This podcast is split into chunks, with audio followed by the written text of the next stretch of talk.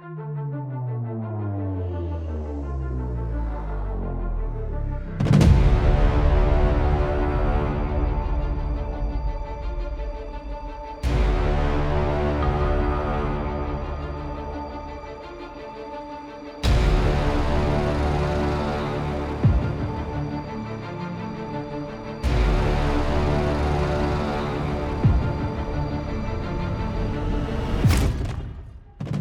Cześć, witam na moim kanale. Ja mam na imię Piotrek i zapraszam Cię serdecznie do odsłuchania jednego z odcinków mojej audycji pod tytułem Stenogramy zbrodni.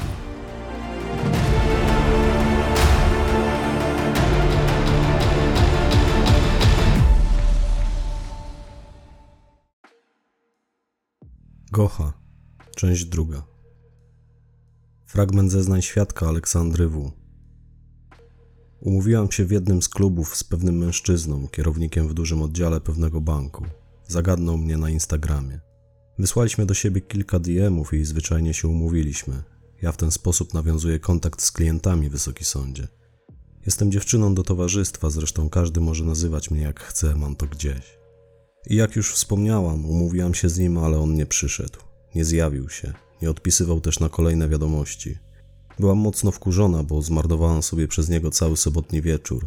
Usiadłam przy barze i zamówiłam dużego drinka. Pamiętam, że pijąc go spłowiłam przynajmniej kilku narzucających mi się mężczyzn. Lgną do mnie jak muchy do miodu, jestem do tego przyzwyczajona. W końcu sporo w siebie zainwestowałam. Ale nie umawiam się z byle kim, nie pozwalam sobie też na przypadkowe znajomości. To ja wybieram sobie faceta, z którym zamierzam się spotkać. Ja nadaję ton naszym spotkaniom, nigdy odwrotnie. I z reguły zawsze na siebie uważam. Z reguły, bo wtedy chyba właśnie przez to, że byłam tak wściekła na tamtego faceta, nie zauważyłam, kiedy ktoś dosypał mi czegoś do kieliszka. Obudziłam się na twardej, zimnej jak lód podłodze w jakimś ciemnym pomieszczeniu. Strasznie bolała mnie głowa, czułam się jak pijana. Czułam też, że ręce i nogi mam skrępowane. Coś też mnie dusiło, a kiedy zaczęłam się z tym siłować i udało mi się trochę z tego uwolnić, okazało się, że był to jakiś sznur, którym miałam splątane kończyny. W pewnym momencie usłyszałam stłumiony dźwięk zamykania drzwi samochodowych i zrozumiałam, że znajduję się na pace furgonetki.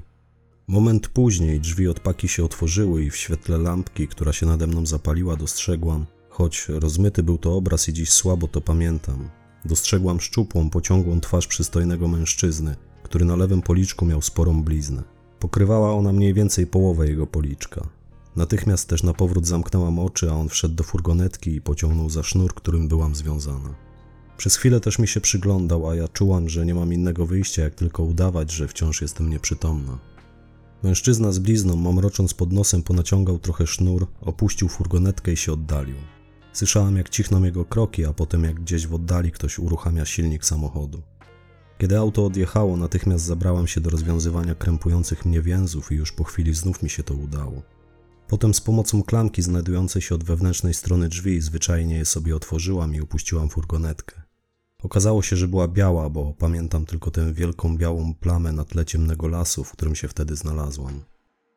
Trzęsąc się z zimna i kierując się dźwiękiem przejeżdżających od czasu do czasu w pobliżu samochodów, dotarłam w końcu do jakiejś ulicy. Szłam nią, aż na jednym ze znaków wyczytałam, że znajduje się w odległości dwóch kilometrów od Grodziska Mazowieckiego. Wtedy zawróciłam w stronę Warszawy. Jakiś czas później obok mnie zatrzymał się samochód, którym podróżowała starsza kobieta. Podwiozła mnie do miasta, pozwoliła mi zadzwonić ze swojego telefonu do koleżanki. Ta przyjechała po mnie i odwiozła do domu.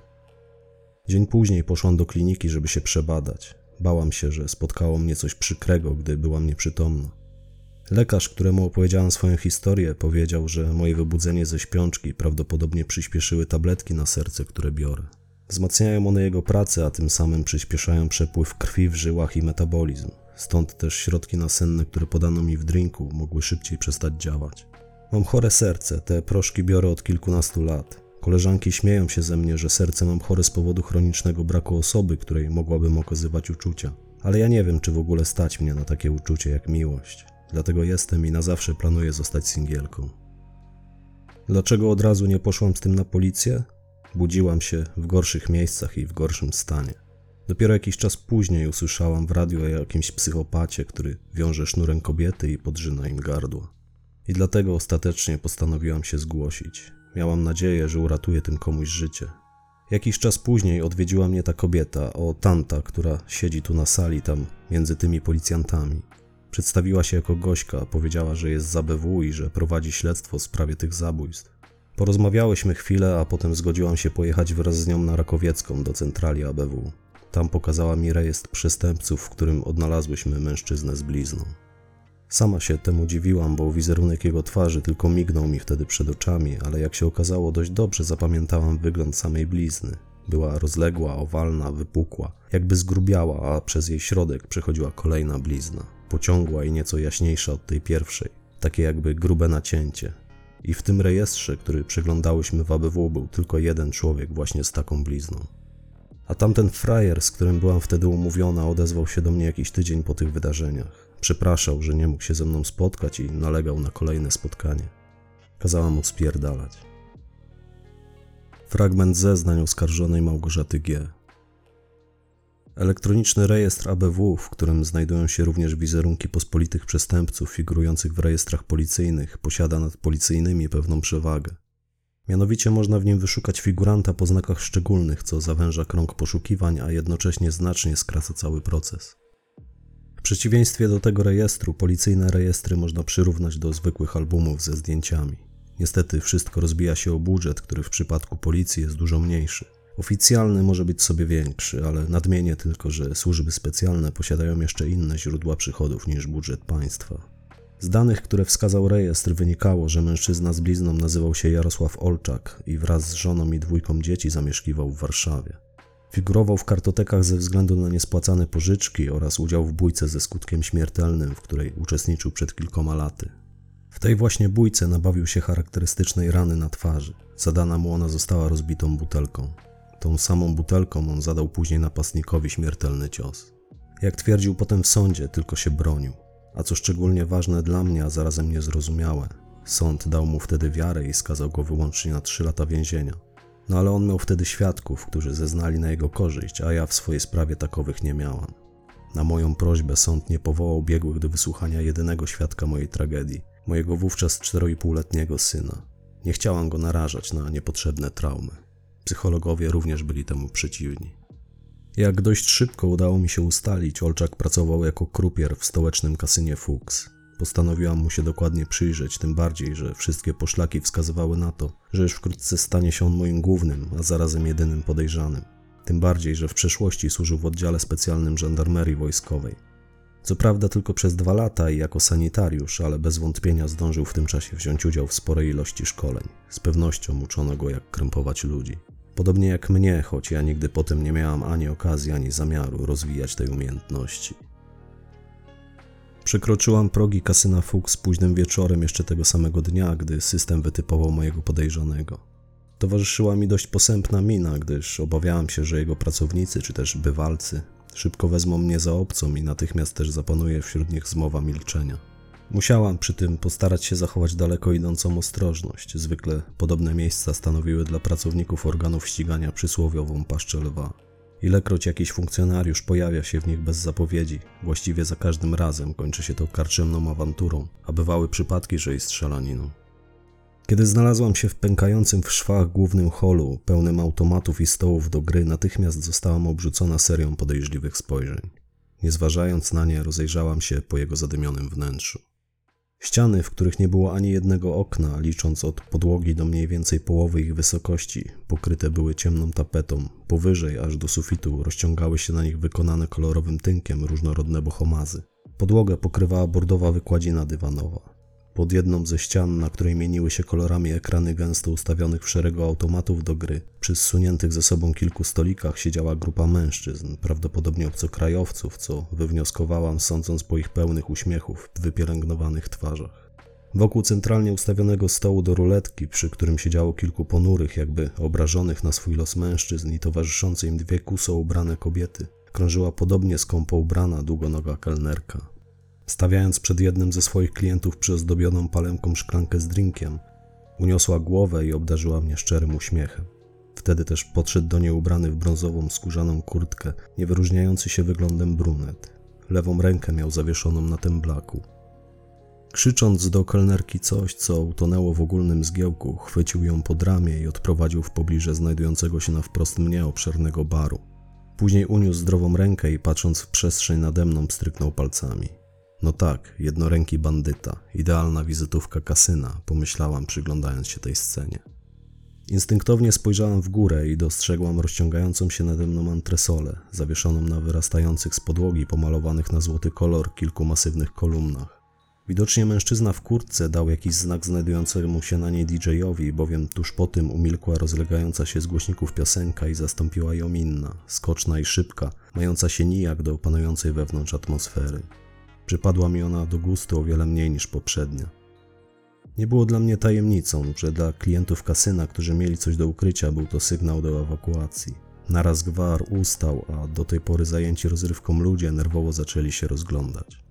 Wielu z nich ostatecznie skupiło swój wzrok na mnie, choć ja przystanęłam już wtedy pod jedną z kolumn, błędnie sądząc, iż z tego miejsca nie będę zbytnio rzucać się w oczy. Na dźwięki owej piosenki kilkoro klientów kasyna powoli jakby ze szczególną ostrożnością wycofało się z gry i odeszło od stolików. Niektórzy rozpoczęli żwawy, wręcz paniczny rajd z miejsca na miejsce. Kilka kolejnych osób w pośpiechu udało się do toalety, prawdopodobnie w celu pozbycia się zawartości swoich kieszeni. Wśród nich znajdował się pewien brodaty mężczyzna, wysoki i mocno otyły osobnik po pięćdziesiątce. Przytrzymując jedną ręką spodnie, a w drugiej niosąc podstawkę z żetonami, szedł w kierunku toalety, nerwowo drobiąc kroki.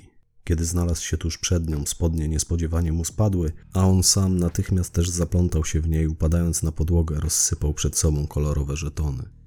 Z pomocą ruszyła mu przyglądająca się wszystkiemu kobieta w czerwonej mini i sięgających jej tuż nad kolana białych kozakach, w towarzystwie której jeszcze przed chwilą go widziałam.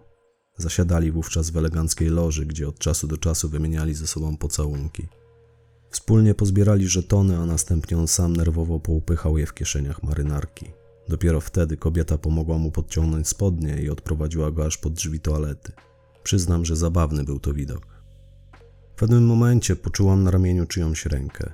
Odwróciłam się, ujrzałam stojącego przy mnie, wytatuowanego na twarzy osiłka w białej, obcisłej koszulce na ramionczkach. Całe jego ciało, oprócz wygolonej do zera głowy, było gęsto pokryte ciemnymi włosami. Jego mięśnie zdawały się być napęczniałe do granic możliwości. Wyglądał jak mutant, połączenie człowieka z niedźwiedziem. Szybko też zabrał rękę, najwyraźniej zamierzając coś wyartykułować. Spojrzawszy w jego rozbiegane oczy, uznałam, że chyba nie za bardzo wie od czego zacząć. Zdawał się wnikliwie wsłuchiwać we własne myśli. Postanowiłam uprzedzić jego pytanie i oznajmiłam, że chcę widzieć się z jego szefem. Spytał, a coś ty za jedno. Odparowałam, że jestem koleżanką ze szkolnej ławki jego szefa i wpadłam w odwiedziny. Wtedy on zapytał, czy mam jakieś imię, dodając na końcu Zdziro. Poczułam się dotknięta do żywego, ponieważ nie znoszę, gdy ktoś w podobny sposób się do mnie zwraca. Po czymś takim nie potrafiłam pozostać mu dłużna. Tak, mam imię, Turbo Świnio. Noszę imię twojego zgreda, odparłam arogancko. Na te słowa mężczyzna gniewnie fuknął i raptownie uniósł do góry zaciśniętą pięść. Zatrzymał ją tuż przed moją twarzą. Wyjąłem spod kurtki i pokazałam mu zawieszony na moim ramieniu pistolet. Na jego widok stonował. Stój tu, Zdziro, nigdzie się stąd nie ruszaj, rzucił gniewnie, a potem podszedł do mężczyzny z ręką na temblaku stojącego już wtedy w pobliżu drzwi męskiej toalety. Wypowiedział do niego kilka zdań, a w pewnym momencie tamten przysłonił zdrową ręką usta, jakby tłumiąc wybuch śmiechu. Następnie jednoręki, patrząc turboświnie w oczy, wymownie popukał się w głowę, ruszył w kierunku baru i podszedł do siedzącego przy jego blacie tyłem do mnie, mocno otyłego osobnika. Jego kompletnie pozbawiona włosów łepetyna błyszczała w świetle gęsto zawieszonych nad barem lamp. Łysielec wysłuchał jednorękiego, po czym machnięciem ręki nakazał mu się oddalić. Wyglądający na speszonego jednoręki wyprostował się, spojrzał na mnie i kolejny raz szepnął coś grubasowi do ucha.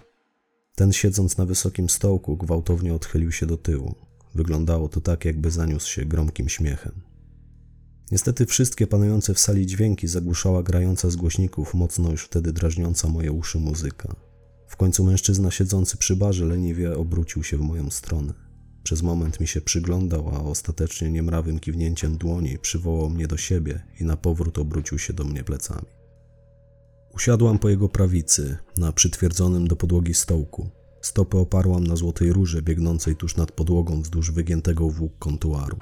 Łysielec, zajęty wyjadaniem zawartości stojącej przed nim miseczki, zdawał się rozmyślnie mnie lekceważyć, głupawał się przy tym uśmiechając. Patrzyłam, jak niemrawo sięga ręką po orzeszki, które następnie z zadowoleniem wsypuje sobie do ust. Odchylał przy tym głowę na tyle mocno, że gruba skóra na jego potylicy przybierała postać szpetnych fałd. Potem długo i namiętnie je przeżuwał, a ja postanowiłam poczekać, aż opróżni miseczkę lub też zwyczajnie znudzi mu się podjadanie. Podejrzewając, iż może to chwilę zająć, postanowiłam poświęcić ją na to, by dokładnie mu się przyjrzeć. Był w wieku około 50 lat, miał wysokie czoło, głęboko osadzone małe oczy, do tego duży nos, małe usta i długie krzeczaste brwi. Jego wygląd z pewnością nie był w stanie wzbudzić mojej sympatii. W końcu przestał się obżerać, majestatycznie odsunął od siebie miseczkę, popychając ją palcem, obrócił się w moją stronę i pogardliwie na mnie spojrzał. Charakteryzowało go przytępione, surowe spojrzenie. Wtedy też ucichła wydobywająca się z głośników hałaśliwa muzyka. Nie możesz być moją koleżanką ze szkoły, bo zwyczajnie do żadnej nigdy nie chodziłem, oznajmił nieoczekiwanie. Więc albo jesteś tylko pałętającą się tu i ówdzie, ciągnącą za sobą zerwany łańcuch bezdomną siną, albo chorą na łeb pospolitą debilką, która nabyła pistolecik w dziale z zabawkami i znalazła się tu po to, by z braku innych wrażeń zwyczajnie wyłapać w pierdol. Skończywszy to mówić, grubas zerknął w kierunku wyjścia. Potem ponownie spojrzał na mnie, dodając: Spodziewam się, że nie przyszłaś tu dziewczynko na zajęcia z poezji, a już z pewnością nie masz na imię Ryszard, jak świętej pamięci zgredzik mojego ochroniarza, którego brzydko nazwałaś. Obawiam się, że on nie zechce ci tego wybaczyć i nie opuścisz tego lokalu w jednym kawałku. Coś mu wtedy odparowałam, już dziś nie pamiętam co, a kolejne słowa, które do mnie skierował, brzmiały. Powiem ci coś jeszcze. Bez względu na to, kim jesteś i po co tutaj przyszłaś, możesz już sobie wybrać las, w którym zamierzasz dokończyć żywota. Proponuję zagajnik przy wyjeździe na Pruszków, bo mam w nim świeżo wykopaną dziurę. Może być twoja, jeśli chcesz. Praktycznie sam piasek, zero gliny czy kamieni dookoła wysokie drzewa, trochę liści i pełno śmieci. Czułabyś się tam jak u siebie. Przyznam, wysoki sądzie, że straciłam wtedy rezon i poczułam się nieswojo, choć prawdopodobnie na przekór oczekiwaniom musielca po plecach nie przebiegł mi ani jeden dreszcz. Spytałam go, czy tak łatwo przychodzi mu zabić człowieka, a później go zakopać. On zapytał, skąd mi przyszło do głowy, że zakopałby mnie martwą. Stwierdził, że na śmierć trzeba sobie u niego zasłużyć, a ja póki co nie zaszłam mu za skórę aż tak bardzo, żeby nabrał ochoty mnie zabić. Zainteresował się też, kim jestem i po co go nachodzę. Sam przedstawił się jako ten, który utrzymuje większą połowę psiarni w mieście, na co jazdę za probatą pokiwałam głową. Od razu widać, że w szkołę rzucałeś kamieniami, stwierdziłam, po czym dodałam.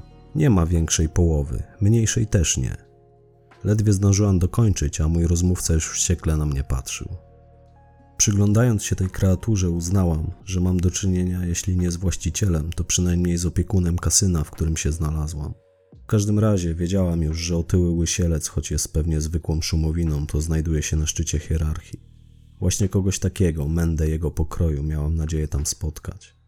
Od tego momentu postanowiłam troszczyć się już tylko o prawidłowy dla mnie dalszy przebieg naszej rozmowy.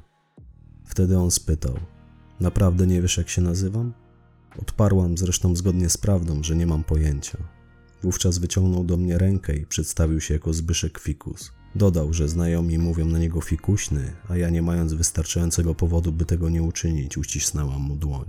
Natychmiast też dodał, że mnie wolno się do niego zwracać jedynie na panie Zbyszku. Fikuśny. Ta ksywa niewiele mi mówiła. Naprawdę nie wiedziałam wtedy, że to największy bandzior w stolicy. Zresztą swoją sławę zyskał wówczas, gdy ja siedziałem za kratami. Tuż po tym, jak uścisnęliśmy sobie ręce, mężczyzna przysunął do siebie miseczkę z orzeszkami i na powrót zaczął napełniać nimi swoją obleśną gębę. Mrużył przy tym oczy, jakby w obawie, że je przypadkiem posoli. Przyszło mi do głowy, że byłby to dość zabawny widok i sporo bym dała, żeby to ujrzeć.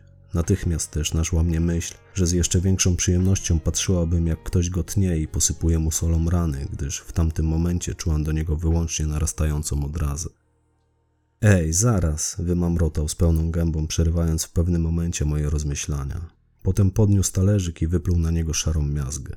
Niezdarnie przetarł usta wierzchem dłoni i po raz pierwszy przyjrzał mi się z uwagą. Tylko mi nie mów, że Ludwiczak tym razem ciebie przysłał po łapówkę, rzucił. Zbyłam go milczeniem, starając się nie zwracać uwagi na, jak wtedy sądziłam, kolejną z jego strony głupią prowokację. Będę musiał się z nim rozmówić. Dwa razy w miesiącu to już chyba lekka przesada, dodał. Niestety mój rozum nie pozostał długo obojętny na jego słowa, bowiem wypowiedziane przezeń nazwisko tym razem nie było mi obce. Stefan Ludwiczak był wieloletnim komendantem na Starym Mieście. Kasyno podlegało pod jego rejon. Przysłuchując się słowom siedzącego obok mnie mężczyzny, miałam szczerą nadzieję, że ma on na myśli innego Ludwiczaka. Niestety w głębi duszy czułam, że moje nadzieje są płonne, jednakowoż postanowiłam nie zaprzątać sobie tym głowy. Od tropienia skorumpowanych świń w szeregach policji byli inni. Ja miałam za zadanie odnaleźć zabójcę Jaroszewskiej. Poinformowałem Fikuśnego, że nie przyszłam po żadne pieniądze i nikt też mnie nie przysłał. Powiedziałam, że przyszłam po informacje, a jeśli mi ich nie udzieli, my, czyli policja, z której on sam błędnie uznał, że się wywodzę, brutalnie przetrząśniemy jego kasyno. Potem wskazałam palcem w głąb sali, mówiąc: Nakażemy też wszystkim twoim gościom wydobyć zawartość ich kieszeni, na co Fikuśny odrzekł. Tylko byście się sfrajerowali, niczego u mnie nie znajdziecie. Od dawna jestem czysty, a za to, co mają przy sobie moi klienci, nie odpowiadam. Skończyła się wasza komuna, a wraz z nią odeszła w zapomnienie odpowiedzialność zbiorowa, córeczko. Zdenerwował mnie tą córeczką, więc zagrałam wabank. Rzekłam. Po pierwsze, to nie była moja komuna, a po drugie, kto powiedział, że w ogóle czegokolwiek byśmy szukali? Towar przynieślibyśmy ze sobą. Myślę, że byłoby go wystarczająco dużo, aby zamknąć ten twój przybytek przynajmniej na kilka miesięcy. Jeśli okaże się, że masz na górze pokoje uciech, to dojdą do tego zarzuty skłaniania do prostytucji. Wątpię, że wszystkie z pracujących dla ciebie kobiet robią to z własnej woli, a on mi na to. Jeśli chcesz, możesz je o to zapytać. Gwarantuję ci, że żadna nie przybywa tam wbrew sobie. Moje kobiety mnie kochają. Mogą liczyć u mnie na wikt i opierunek, roztaczam też nad nimi wręcz ojcowską opiekę. Gdybyś zechciała, mógłbym cię z którąś zapoznać. Może trochę byś się wyluzowała, bo widzę, że jesteś mocno spięta. Wysoki sądzie, mogłabym przytaczać słowa naszej rozmowy jeszcze długo, ale przejdę do sedna. W pewnym momencie fikuśny, wskazując szerokim gestem imponującą zawartość znajdujących się przed nami barowych półek, zaproponował mi coś do picia. Odmówiłam. Postanowiłam ciągnąć dalej swój blef z nadzieją, że nieco zmięknie. Jesteś gotowy na taki obrót spraw? spytałam, zaopatrzywszy się w najbardziej zawadiacki wyraz twarzy, jaki tylko potrafiłam sobie wyobrazić. Masz w banku wystarczającą ilość oszczędności, żeby stać cię było na zamknięcie interesu? Będziesz sporo potrzebował na kaucję, na adwokatów i oczywiście na łapówki, bo na nie wydasz najwięcej.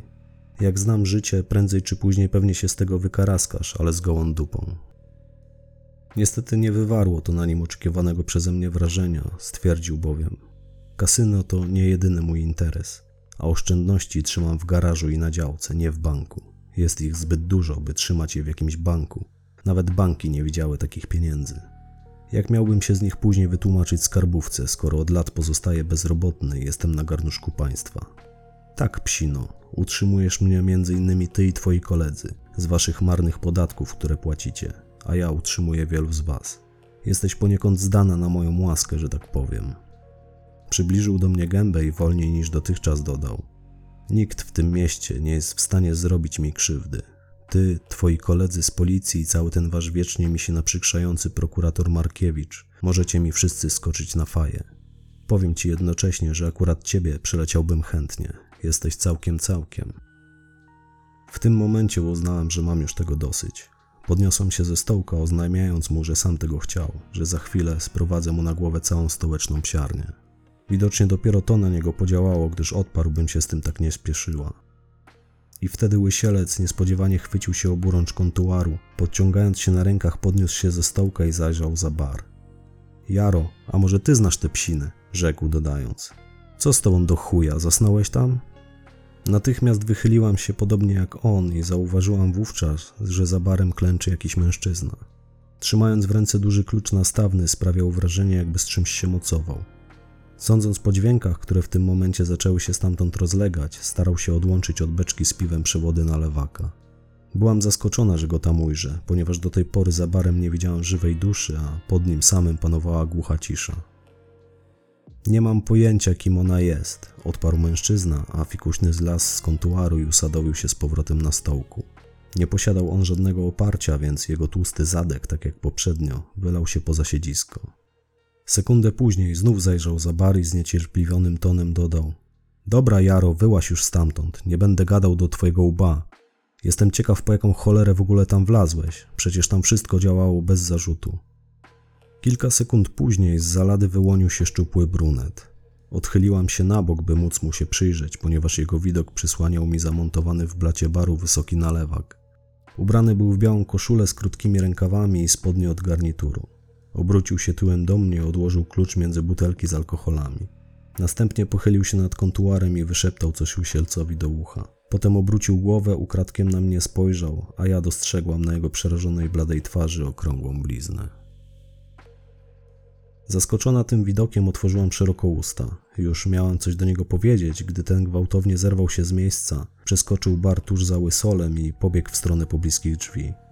Ja także poderwałam się ze stołka i w momencie, gdy stawiałam pierwsze kroki na podłodze, poczułam, że się przewracam. Nie mając się czego chwycić, wyłożyłam się jak długa. W ułamku sekundy dotarło do mnie, że to fikuśny podłożył mi nogę. Natychmiast też podniosłam się z podłogi. Obleśny grubas nie wyrażał krzty zakłopotania. Wręcz przeciwnie, śmiał się rżąc przy tym jak koń. Chwyciłam go za klapy pomarańczowej marynarki i z całej siły odepchnęłam. Mocno odchylił się do tyłu, a ratując się przed upadkiem, uniósł górę nogi dla przeciwwagi. Natychmiast też złapałam go za łydki i zrzuciłam jego zwaliste cielsko ze stołka. O ty w dupę jebana, padło z jego ust, gdy z hukiem lądował na podłodze. Ruszyłam w pogoń za mężczyzną z blizną.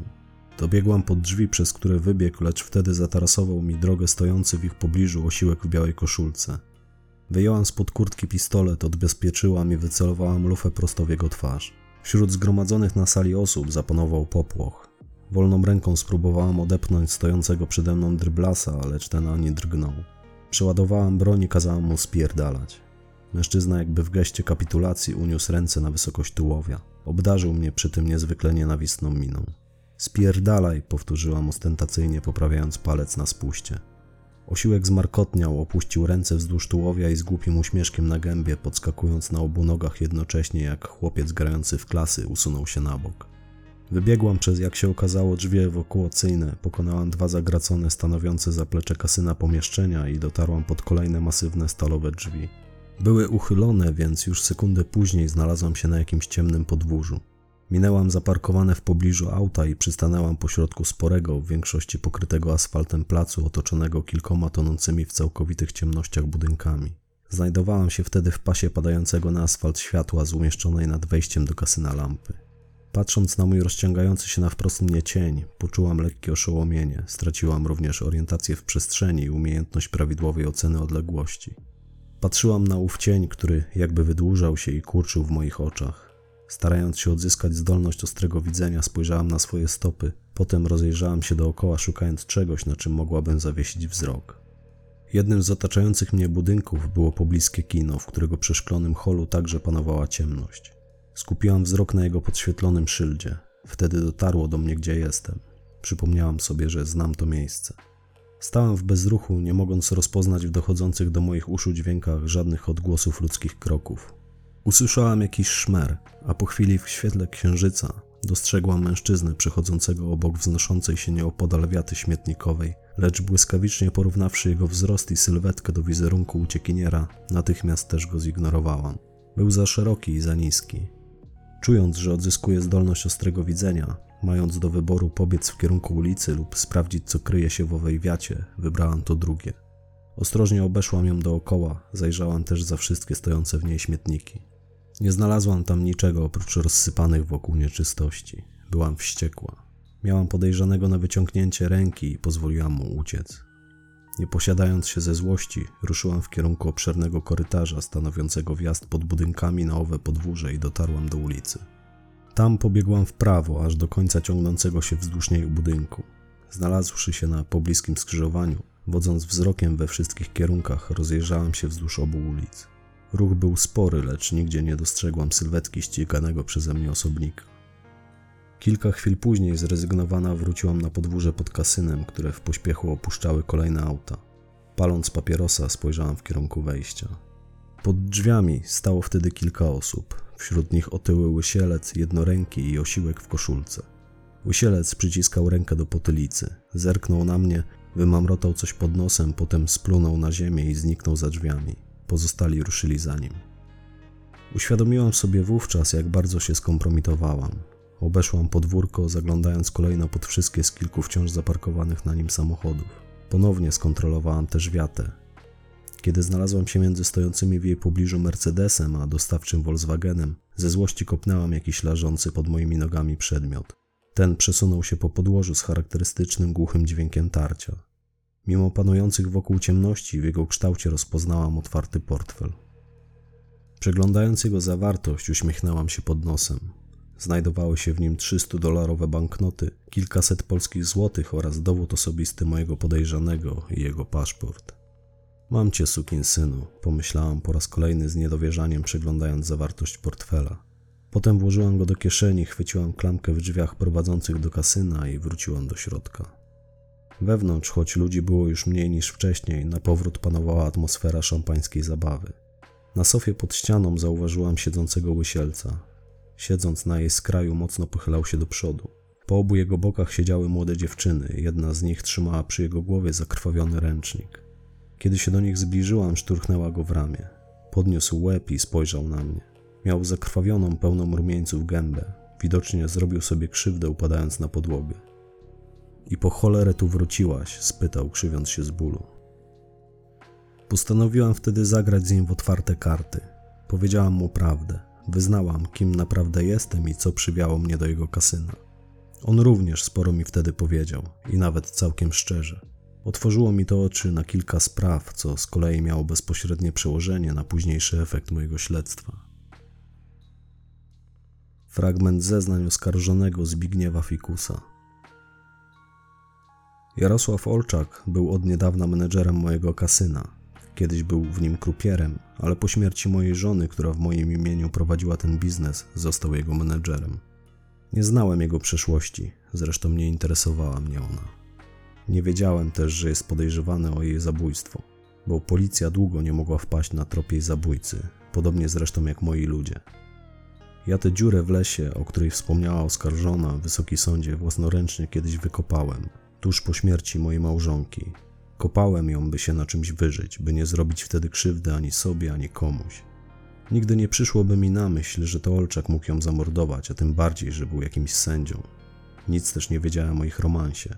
Zresztą to chyba był krótki temat. Gdyby był dłuższy, to pewnie w końcu bym się w nim zorientował, a już z pewnością doniósłby mi o tym któryś z moich ludzi, bo takie wieści w moim środowisku zwykle szybko się roznoszą. Oczywiście, gdybym poznał prawdę o ich romansie, natychmiast kazałbym Olczaka za to zabić. Nie ukrywam, że tak właśnie by było. Moja żona została zamordowana w naszym domu. Mnie wtedy nie było. Wraz ze swoimi ludźmi przebywałem w Trójmieście, w interesach, że tak powiem. Z tego co mi wiadomo, tamtego wieczoru do późna przebywała w kasynie, potem gdzieś zniknęła. Następnego dnia jeden z moich ludzi znalazł ją martwą na podłodze naszej sypialni. Wysłałem go tam już po tym, jak z jej numeru otrzymałem zdjęcie jej zwłok. Myślałem, że to jakiś głupi żart i kazałem mu natychmiast wracać do Warszawy, by to sprawdzić. Na psiarni powiedzieli, że będą szukać sprawcy. Ja też szukałem. Wynająłem nawet prywatnego detektywa, ale nic z tego. Mimo, że wszystko wskazywało na to, że tamtej nocy mnie zdradziła, poprzysiągłem sobie, że brutalnie ukradł trupia jej mordercę. Wtedy w moim kasynie powiedziałem oskarżonej, że jeśli znajdzie Olczaka i da mi na niego namiary, to zwyczajnie ją ozłocę. Powiedziałem, że dla mnie to sprawa honoru i zaofiarowałem jej swoją pomoc w jego poszukiwaniu. Bo spodziewałem się, że od tamtego momentu zaszyje się gdzieś na dobre. Na mieście był już spalony, a teoretycznie martwy. Fragment zeznań oskarżonej Małgorzaty G. Olczak pojawił się w zasięgu mojego wzroku tuż przed wschodem słońca, ale zanim to nastąpiło, spędziłam kilka godzin pod dachem cuchnącej śmieciami i fekaliami, znajdującej się na tyłach kasyna klaustrofobicznej wiaty śmietnikowej. W tym czasie zdążyłam stać się świadkiem sprzeczki, którą stoczyła ze sobą opuszczająca kasyno para. Potem byłam też mimowolnym świadkiem pozbawionych jakiegokolwiek natchnienia figli w wykonaniu owej pary oraz późniejszego ich godnego pożałowania stosunku, który odbyli na prędce pod jednym z okalających mnie śmietników. Wleźli też przy tym prawie na mnie, lecz zdołałam wycofać się w głąb wiaty na tyle cicho, iż do końca nie zdawali sobie sprawy z mojej obecności. Tkwiąc przez kilka godzin wciśnięta pomiędzy dwa metalowe śmietniki, byłam też świadkiem rodzinnej awantury. Jej początek przypadł na trzecią w nocy, a jej odgłosy przez kolejne dwie godziny rozlegały się z pobliskich okien na drugim piętrze i głośnym echem niosły wśród okolicznych budynków. W tym czasie moje poirytowanie urosło do granic możliwości. Nieustannie słysząc burczenie w brzuchu i od czasu do czasu wspominając smak ostatnio spożytego przez siebie posiłku, siedziałam, klęczałam, a momentami nawet leżałam nieprzerwanie nasłuchując, z ogromną nadzieją, że przeczucie mnie nie zmyli. Przez większość czasu w ręce dzierżyłam długi kij, który w pewnym momencie stał mi się potrzebny, a który wydobyłam spod sterty zalegających w pobliżu odpadów. Użyłam go, by odgonić głodnego kundla, z jakim przyszło mi tamtej nocy stoczyć zaciętą walkę. Na szczęście zadowolił się obierkami ziemniaków. Znajdowały się w reklamówce, którą w pewnym momencie desperacko w niego rzuciłam. Później kundel zniknął, a ja bałam się choć na moment przymknąć oczy w obawie, że zasnę, a on powróciwszy z kompanami naskoczy na mnie i przygryzie mi gardło. Nic podobnego się jednak nie wydarzyło. Jak już mówiłam, choć sama zaczynałam już głęboko w to wątpić, zgodnie z moimi oczekiwaniami Olczak wreszcie się zjawił, a ja poczułam na jego widok ogromną ulgę. Księżyc świecił wówczas na tyle jasno, że bez trudu go rozpoznałam. Wszedł na podwórze nie od strony ulicy, jak się spodziewałam, lecz od strony przeciwnej, asfaltowym chodnikiem prowadzącym od dziedzińca przed kinem. Czujnie rozglądając się dookoła, wolno kroczył w kierunku drzwi kasyna. Przycupnąwszy za jednym z opasłych metalowych śmietników, nieustannie bijałam wzrok w jego sylwetkę. Zastanawiałam się, jakim idiotą trzeba być, by będąc ściganym za potrójne morderstwo, wrócić się po jakiś pieprzony portfel. Ale być może nie tyle mu zależało na gotówce, co na paszporcie.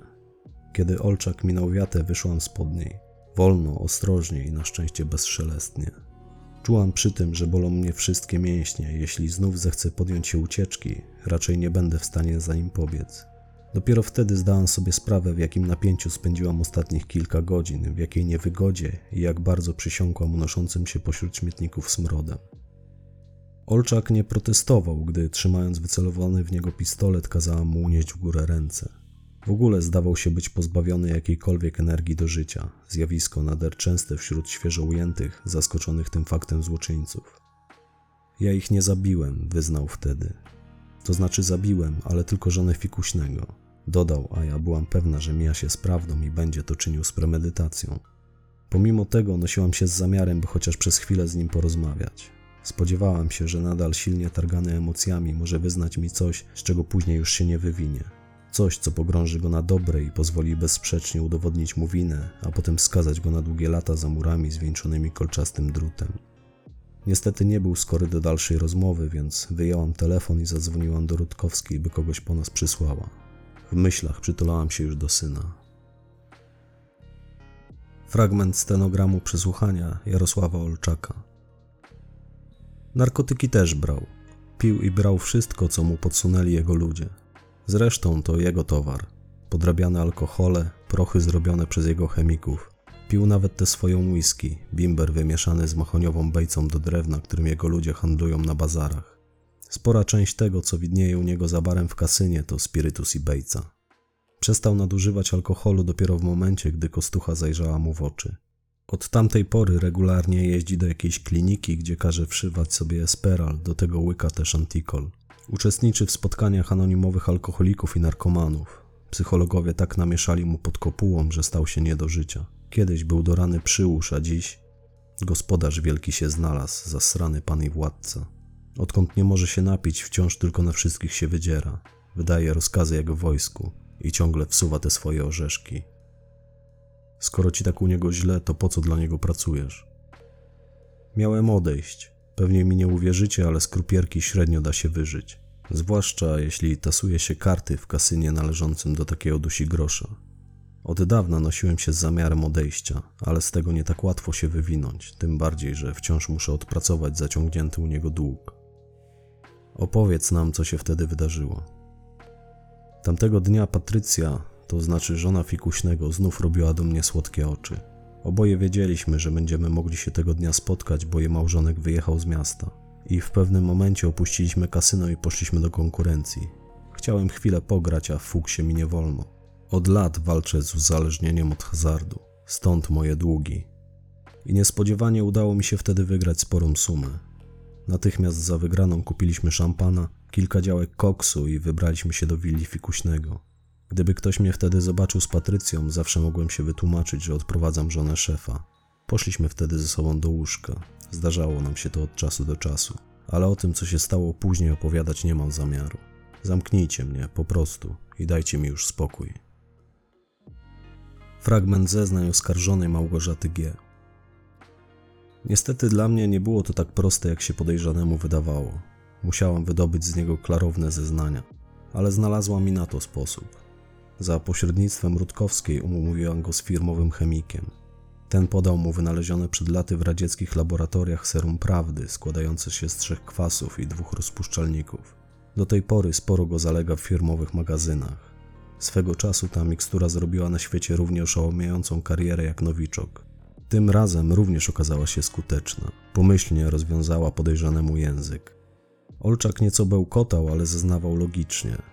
Co więcej, wariograf, do którego był wtedy podłączony, wykazał, że mówił prawdę. Zaskoczyła mnie ta jego prawda. Wszystkich nas zaskoczyła.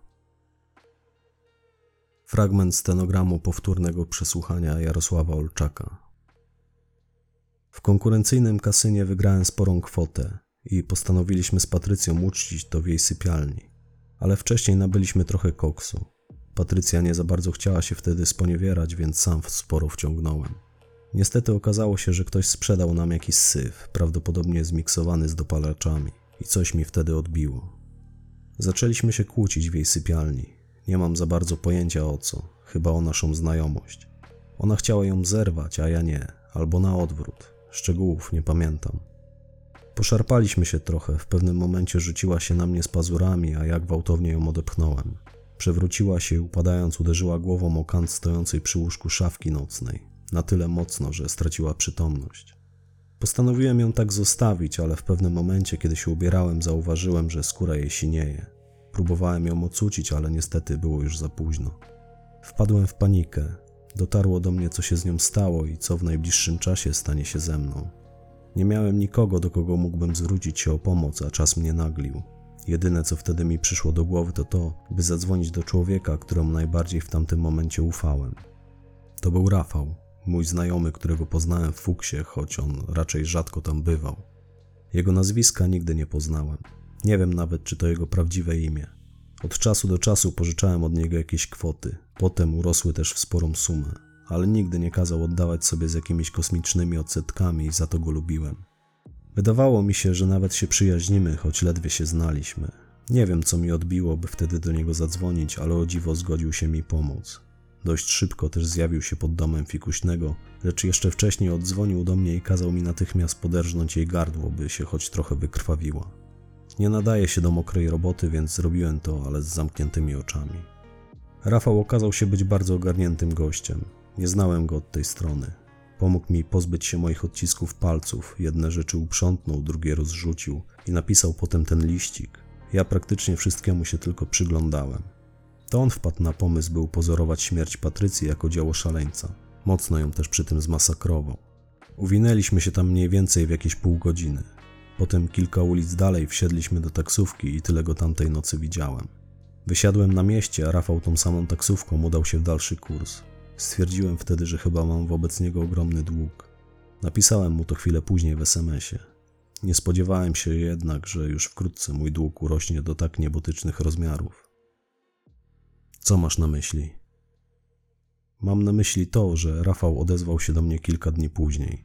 Powiedział, że teraz ja muszę pomóc jemu. Dał mi adres pewnej kobiety i kazał ją sobie dostarczyć. Powiedział mi też, jak mam to zrobić. Byłem zaskoczony jego prośbą, ale to chyba zrozumiałe, że po wydarzeniach, które miały miejsce w sypialni fikuśnego, musiałem przynajmniej przez jakiś czas tańczyć, jak mi zagrał. Później dostarczyłem mu kolejną kobietę, a zaraz po tym chciałem się z tego wyplątać, zerwać z nim znajomość. Pożyczyłem, a praktycznie to wyżebrałem od fikuśnego kolejną kwotę pieniędzy i spotkałem się z Rafałem, by spłacić swoje długi, ale je ode mnie nie przyjął. Co więcej, zagroził, że jeśli mu nie pomogę, to policja dowie się prawdy na temat śmierci Patrycji. Zażądał kolejnej kobiety i wyszło po tym, jak wyszło. W ostatnich dniach nosiłem się z zamiarem wyjazdu za granicę. Mam brata w Finlandii i planowałem w pierwszej kolejności pojechać do niego. Miałem bilet na samolot na przyszły wtorek, ale już chyba nic z tego. A co do Rafała, to tak jak już mówiłem. Nie mam pojęcia, gdzie moglibyście go znaleźć. Kobiety dostarczałem mu w umówione miejsce. Tam przesiadałem się do swojego auta i wracałem do siebie. A co ciekawe, jedna nam kiedyś uciekła. Rafał mocno się wtedy wkurwił, powiedział, że źle ją związałem, a wybrał ją sobie będąc w jakimś klubie. Kazał mi wtedy natychmiast tam przyjechać i odstawić ją do lasu. Nie interesowałem się za bardzo tym, co się później działo z tymi kobietami, aczkolwiek skłamałbym, gdybym powiedział, że tego nie wiem. Nieustannie trąbią o tym w telewizji. Ale przysięgam, że z mojej ręki zginęła tylko Patrycja i to wyłącznie przez przypadek. Nie mam też nic wspólnego ze śmiercią tego taksówkarza. Fragment zeznań oskarżonej Małgorzaty G. Jak wykazał wariograf, Olczak nie wiedział, kim tak naprawdę był ten jego znajomy, na oko 40-letni Rafał, ani też gdzie mogłabym go znaleźć. Na portrecie pamięciowym, który udało nam się sporządzić, był podobny zupełnie do nikogo. Sprawdziliśmy jego ostatni działający numer telefonu, gdyż Olczak podał nam tych numerów nawet kilka. Okazało się, że to prepaid zarejestrowany przed dwoma tygodniami na dowód zmarłego taksówkarza. Również i on był już wtedy nieaktywny. Uznałam, że kłamie, że Olczak kłamie, ale nie mieliśmy innego wyjścia, jak czekać, aż sam się przyzna, lub też spróbować go do tego zmusić. Średnio wtedy wierzyłam w całą tę jego wersję. Tamtego dnia, a była to dziesiąta doba mojego śledztwa, uświadomiłam sobie, że to już raczej koniec, że najbardziej prawdopodobnym zakończeniem mojej misji będzie dla mnie powrót do więzienia. Postanowiłam więc olać to wszystko i choć trochę się zabawić, a przy okazji przemyśleć plan mojego zakraty niepowrotu. Nie było to takie łatwe, jak mogło się wydawać. Gdybym zniknęła od tak, zaraz w ślad za mną wypuszczono by wilki z Wydziału Y, a oni się nie patyczkują. Po opuszczeniu gmachu ABW udałam się do sklepu, kupiłam setkę wódki, poszłam z nią do pobliskiego parku i opróżniwszy ją jednym haustem nieoczekiwanie dla mnie samej, zalałam się łzami bezsilności. Dość szybko jednak się ogarnęłam, wyjęłam z kieszeni telefon i zadzwoniłam do Rutkowskiej. Wyprosiłam od niej numer do Janusza pod pretekstem zamiaru skorzystania z jego pomocy w moim śledztwie. Był on jedynym człowiekiem, któremu, jak sądziłam, mogłam bezgranicznie ufać. Czyż wtedy zamierzałam pójść z nim do łóżka? Raczej nie. Ochota na to naszła mnie później, gdy jeszcze tego samego wieczora oboje znaleźliśmy się w jego mieszkaniu. Zresztą od momentu upuszczenia celi nieustannie chodziła za mną myśl, by kogoś porządnie przelecieć. I tak długo się wstrzymywałam. Tamtej nocy dużo z Januszem rozmawialiśmy, wspominaliśmy stare czasy. Ja powiedziałam mu o swoich planach odzyskania wolności i syna, a on mi napomknął o tym, że jest na etapie poszukiwań kupca na dom niedawno zmarłej matki i że chce się przenieść do Wydziału Gospodarczego, bo major Rutkowska od dłuższego czasu sama chce się go pozbyć. Powiedział mi też, że jest mu bardzo przykro z powodu tego, że trafiłam do więzienia, a on nie potrafił mi w żaden sposób pomóc. Do hotelu wróciłam nad ranem. Natychmiast też położyłem się do łóżka, by odespać zarwaną noc. Kilka godzin później, jakoś krótko po dziewiątej, obudził mnie telefon od Rutkowskiej. Dzwoniła z informacją, że Olczak zdołał zbiec w trakcie kolejnego, nie do końca legalnego przesłuchania połączonego z wizją lokalną w lesie pod Grodziskiem. Zabił przy tym dwoje towarzyszących mu agentów, którzy przywieźli go na miejsce. Ich ciała znalazł prokurator, który chwilę się spóźnił. Natychmiast wszczęto za Olczakiem pościg, angażując w to nie tylko wszystkie możliwe siły ABW, jak i chyba całą stołeczną policję, a ja zgodnie ze sztuką udałam się wtedy na Ursynów, gdzie podjęłam się obserwacji jego mieszkania. Zostało ono już wcześniej przeszukane, jednak nie znaleziono w nim nic, co mogłoby bezsprzecznie dowieść jego winy. Wciąż się spodziewałam, że zechce do niego zajrzeć, by skontaktować się z żoną lub zobaczyć z dziećmi.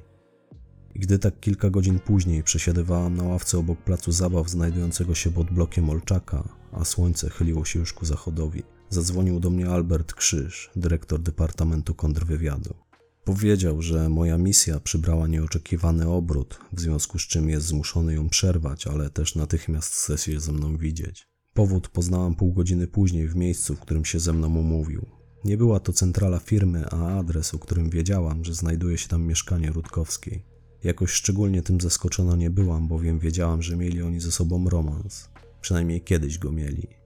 Jadąc tam, zastanawiałam się, co takiego ta para tym razem wymyśliła i czego ode mnie chcą. Fragment zeznań oskarżonego, byłego dyrektora Departamentu Kontrwywiadu Agencji Bezpieczeństwa Wewnętrznego Alberta Krzysza. Widząc zmasakrowane, wciąż ciepłe zwłoki Julii Rutkowskiej na podłodze jej sypialni, zwyczajnie wpadłem w panikę. Spodziewałem się, że policyjni technicy dokonując oględzin tego miejsca znajdą w jej mieszkaniu moje odciski i na jaw wyjdzie nasza pozasłużbowa znajomość. Albo co gorsza, ktoś zacznie mnie podejrzewać o jej zabójstwo. Jedyne co mi wtedy przyszło do głowy to uprzątnąć w tym mieszkaniu ślady mojej bytności. I po przybyciu oskarżonej na miejsce, już po tym jak minął jej pierwszy szok, poprosiłem ją w tym temacie o pomoc. Ale ona przemówiła mi do rozsądku. To znaczy ja pozwoliłem jej sobie przetłumaczyć, że to co zamierzałem zrobić jest zwyczajnie głupie. Wezwaliśmy więc policję. Oskarżona była załamana widokiem martwej Julii, podobnie zresztą jak ja, choć ja w przeciwieństwie do niej nie uroniłem wtedy ani jednej łzy. Ona, siedząc przy zwłokach Julii, płakała długo i histerycznie. Byłem zaskoczony jej zachowaniem. Być może powodem było to, co jej wtedy powiedziałem. Oskarżona usłyszała wtedy ode mnie, że pomysł wyciągnięcia jej z więzienia był pomysłem Julii. Była ona na tyle zdeterminowana, by zaangażować Małgorzaty G w to śledztwo, że jak się później okazało, sfałszowała nawet mój podpis na kilku dokumentach. Bo ja początkowo absolutnie nie wyrażałem na to zgody. Mocno mnie to rozsierdziło, gdy się o tym dowiedziałem, ale co mogłem zrobić? Musiałem ją kryć i pozwolić toczyć się tej sprawie swoim torem. Z tego co mi wiadomo, Julia chciała dać oskarżonej szansę na odzyskanie możliwości opieki nad synem, dowiedziawszy się o chorobie jej byłego męża. Sporo się natrudziła, by przekonać do swojego pomysłu resztę kierownictwa. Pamiętam, że ciężko zniosła moment, w którym Małgorzata G. trafiła za kratki. Fragment zeznań oskarżonej Małgorzaty G. Krzyż powiedział mi wtedy jeszcze coś. Mianowicie to, że w pewnym momencie skontaktowała się z nim emerytowana Jaroszewska. Poprosiła go o kopię dokumentów mojej sprawy, a po jakimś czasie wróciła do niego z informacją, że jedynym sposobem na jej rozwiązanie i odkrycie, kto mnie wrobił, jest wezwanie na przesłuchanie przyrodniego brata zastrzelonego przeze mnie Apriatkina, ambasadora Federacji. Ze względu na jego immunitet oraz ogromną niechęć, którą ten osobnik darzył firmę, graniczyło to jednak z cudem. Podczas naszej rozmowy zrozumiałam, że w trakcie mojego pobytu za kratami Jaroszewska grzebała w mojej sprawie, starając się znaleźć dowody mojej niewinności. Miałam więc wobec niej dług wdzięczności, tak samo jak wobec Rutkowskiej. Po tej rozmowie zrobiło mi się jakoś tak dziwnie wtedy, tak jakoś ciepło na sercu. Ciężko było mi opanować emocje. Z braku lepszego punktu zaczepienia wróciłam do pomysłu obserwacji mieszkania Olczaka. Wciąż miałam nadzieję, że zjawi się w nim, by porozmawiać z żoną. Lecz gdy tylko znów zasiadłam na ławce nieopodal jego bloku, zadzwonił do mnie mój dawny partner z policji, Tomek Rudnicki. Oznajmił, że ludzie z jego wydziału zostali wysłani na przedmieścia stolicy do zgłoszenia o morderstwie i trafili tam na coś, co z pewnością mnie zainteresuje. Stojąc nad częściowo odkopaną dziurą, w której spoczywało ciało Olczaka z poderżniętym gardłem, długo biłam się z myślami. Zdrowy rozsądek brutalnie mi wytykał, jak daleko jestem w tyle z moimi ustaleniami. Ja bowiem wciąż skrycie wierzyłam, do czego sama przed sobą nie potrafiłam się chyba przyznać, że Olczak blefował, wariograf przekłamał wyniki, a tajemniczy Rafał jest wyłącznie wymysłem jego chorej wyobraźni. Miałam nadzieję, że za wszystkim stoi Olczak, a Rafała wymyślił, by rozmyć swoją odpowiedzialność. Uwierzyłam w Rafała dopiero w momencie, gdy pracujący przy zwłokach mojego podejrzanego biegły stwierdził, iż Olczak jest martwy co najmniej od 24 godzin, w związku z czym nie mógł zamordować Rutkowskiej. Ta była martwa dopiero połowę tego czasu, a więc nie pozostawało mi nic innego, jak odnaleźć tajemniczego Rafała. Tylko jak miałbym to zrobić, skoro nie miałem żadnego tropu, a do końca mojej misji pozostały mi tylko dwie doby? Krzyż powiedział, że moja wolność została zakontraktowana na 14 dni i ani minuty dłużej, że w tym temacie raczej nic nie będzie w stanie dla mnie ugrać. Nie miał zresztą żadnych podstaw. I wtedy, błądząc myślami między zwłokami Rutkowskiej a Olczaka, nagle przypomniałam sobie, że za dwie godziny powinnam być na lotnisku, gdzie zamierzałam przywitać się z powracającym z Kanady synem. Muszę się przyznać, bo nie mam zamiaru dzisiaj ściemniać że zamierzałam podjąć go z lotniska, by natychmiast wraz z nim ulotnić się na zawsze. Udałam się do hotelu, wykąpałam się, przebrałam, spakowałam swoje rzeczy oraz kilka rzeczy, które już wcześniej kupiłam dla syna i ruszyłam w drogę na lotnisko. Jakieś dwie godziny później, gdy po krótkiej batalii z kierownikiem hali przylotów upewniłam się, że ani mojego syna, ani mojej byłej teściowej nie było na pokładzie przylatującego z Montrealu samolotu, zadzwoniłam do mojego byłego męża. Ten oznajmił, że jego matka, dowiedziawszy się o moim wyjściu z więzienia, postanowiła mi Jacka nie oddawać. Byłam gotowa natychmiast wsiąść do samolotu i polecieć po niego do Kanady, lecz coś mówiło mi, że wcześniej wypadałoby choć spróbować dokończyć to, co zaczęłam.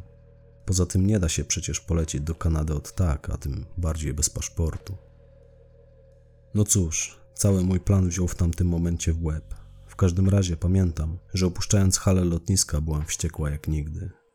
I wtedy, kierując się do auta przez przednią szybę stojącego w pobliżu czarnego BMW, zauważyłam dwie uważnie mi się przyglądające zakazane gęby. Przystanęłam na chwilę, potem podeszłam do parkującego w pobliżu taksówkarza i poprosiłam go o papierosa. Paląc w pośpiechu, by wymusić jak najsilniejsze uderzenie nikotyny, z nienawiścią przyglądałam się dwóm mocno speszonym moimi spojrzeniami mężczyznom. Zgasiłam papierosa, wsiadłam do auta i przekręcając kluczyk w stacyjce wymamrotałam do siebie. Dobra, syny, skoro tak bardzo tego chcecie, to zapraszam. Upewniwszy się, że posiadany przeze mnie pistolet maszynowy jest załadowany, odbezpieczyłam go i położyłam sobie na kolanach. Ruszyłam z piskiem opon, opuszczając parking skręciłam w kierunku Piaseczna. Nie chciałam, by w efekcie naszej ewentualnej konfrontacji ucierpiał ktoś postronny, więc postanowiłam wywieźć mój ogon na przedmieścia. Spodziewałam się, że śledzący mnie bandyci zechcą podjąć się tego, co im zlecono, gdy tylko znajdziemy się na odludziu. Mając to na uwadze, umyślnie nie wyściubiałam do tej pory nosa poza centrum. Nie pomyliłam się. Zaatakowali mnie już jakieś 10 km za piasecznem, najpierw starając się brutalnie zepchnąć mnie z drogi. Potem, gdy im się to nie udało, próbowali przestrzelić mi opony. Miałam przeczucie, że nie tyle chcą mnie zabić na miejscu, co wziąć żywcem. Nie w głowie mi było stać się ich zabawką, więc odpowiedziałam ogniem.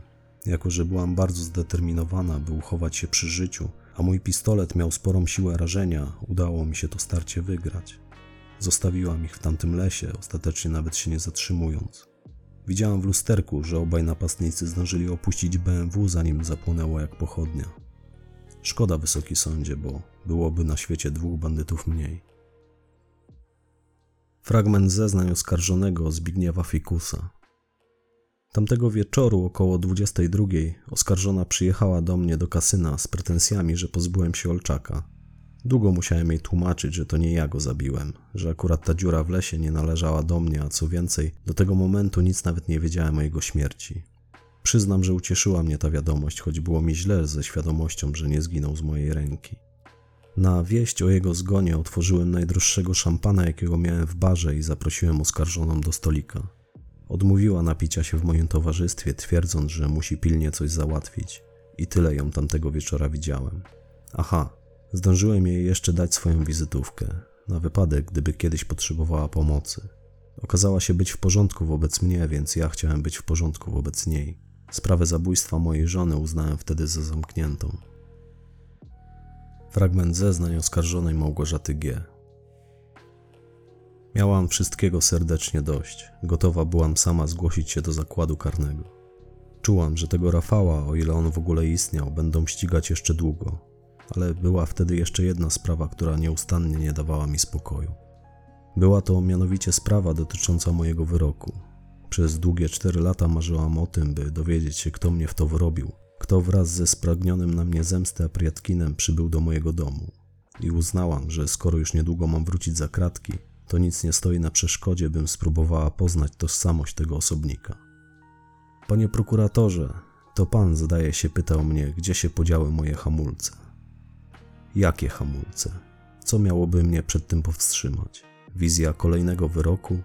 Co byłoby w stanie przed czymkolwiek powstrzymać kobietę, która ma przed sobą kolejne 20 lat od siatki? Rozumie pan? Więc niech pan się już nie kompromituje podobnymi pytaniami.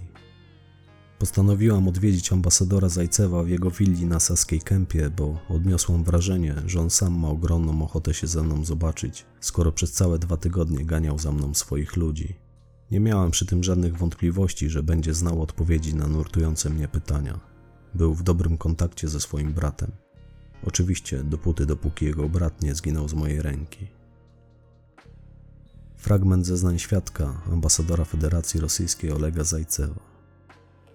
Ta kobieta, oskarżona, wtargnęła nocą do mojego domu.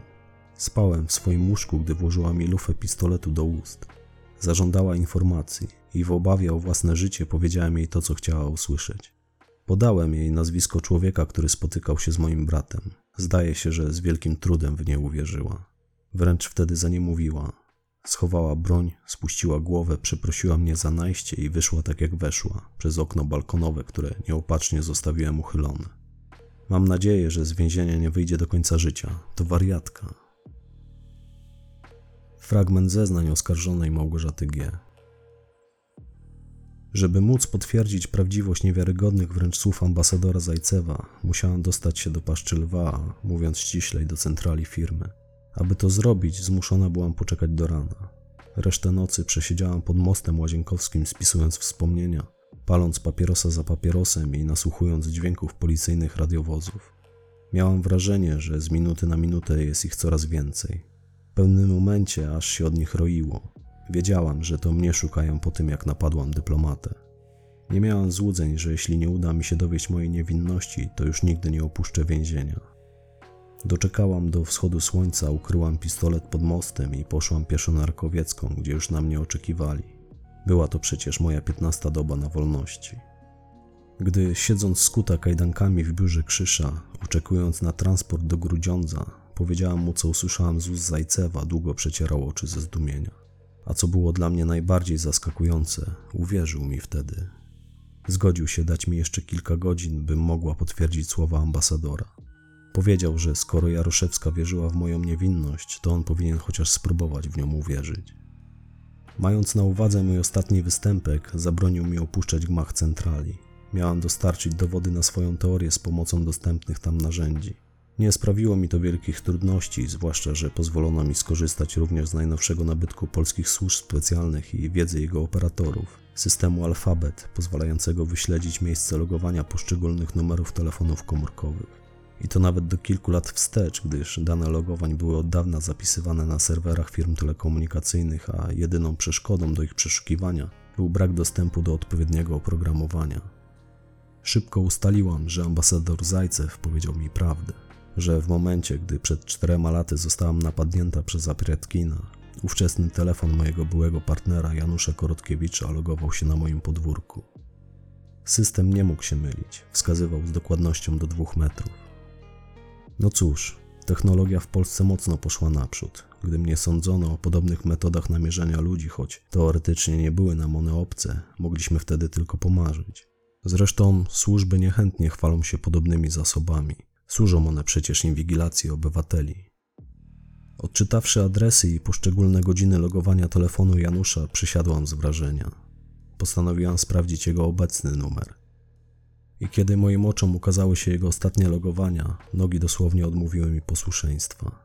Jego telefon logował się do sieci w miejscach, datach i godzinach, wskazujących bezpośrednio na to, że był zamieszany m.in. w zabójstwo żony Fikuśnego, Jaroszewskiej, Rutkowskiej. Tak, wysoki sądzie, nieoczekiwanie dla nas wszystkich, to mój były partner okazał się być sędzią i moim największym wrogiem.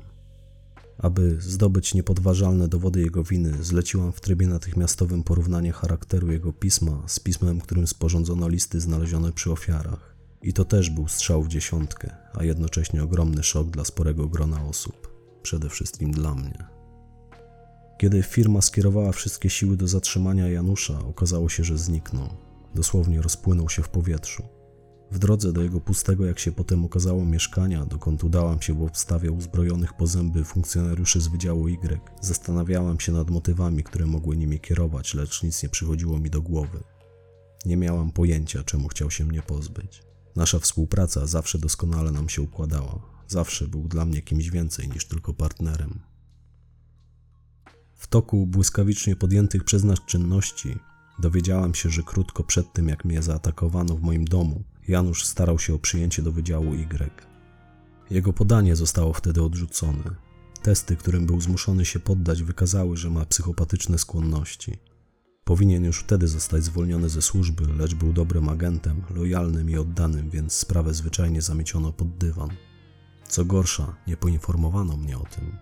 Pracowałam więc z wariatem, nie mając o tym pojęcia z osobnikiem, który w pewnym momencie nawiązał kontakt z Apriatkinem, wobec którego prowadziliśmy postępowania, bo w pewnym momencie Janusz rozpoczął grę na dwa fronty. Tak wynikało z historycznych danych zapisanych na serwerach firmy, które udało nam się odtworzyć. Logował się do rejestrów, z których korzystać nie powinien, kopiował dane do kopywania, których nie miał uprawnień, a wszystko to robił za pomocą mojego loginu i hasła.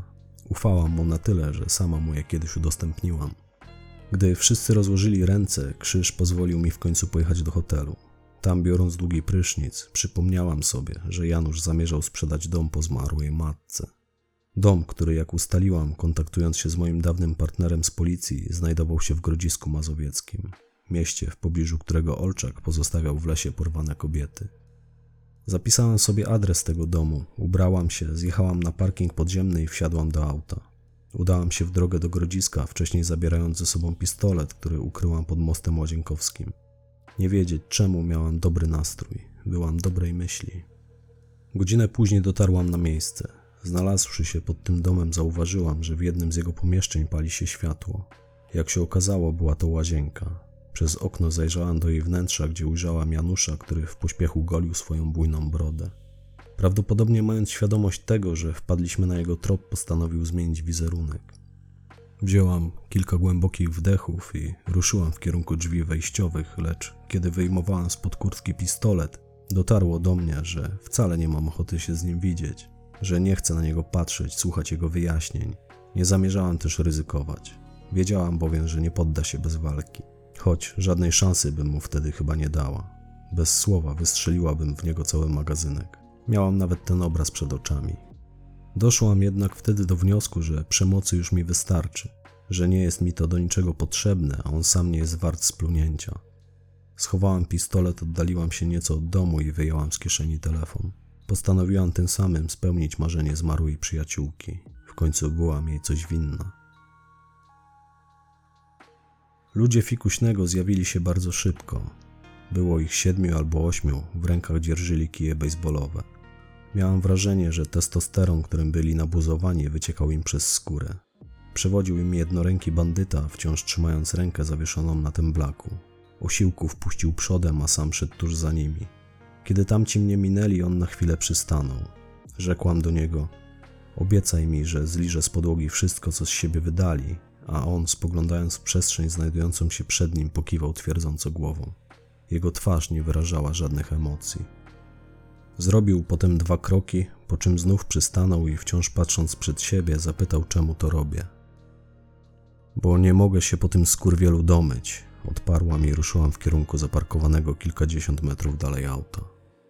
Chwilę później do moich uszu dotarł dźwięk wyłamywanych drzwi i krzyki mężczyzny. Krzyki, które szybko zmieniły się w lament. Nie miałam zamiaru się temu przysłuchiwać. Wsiadłam do auta i ruszyłam w drogę do hotelu. Kończmy już tę farsę, wysoki sądzie. Im szybciej znajdę się z powrotem w więzieniu, tym szybciej z niego ucieknę i spotkam się z synem.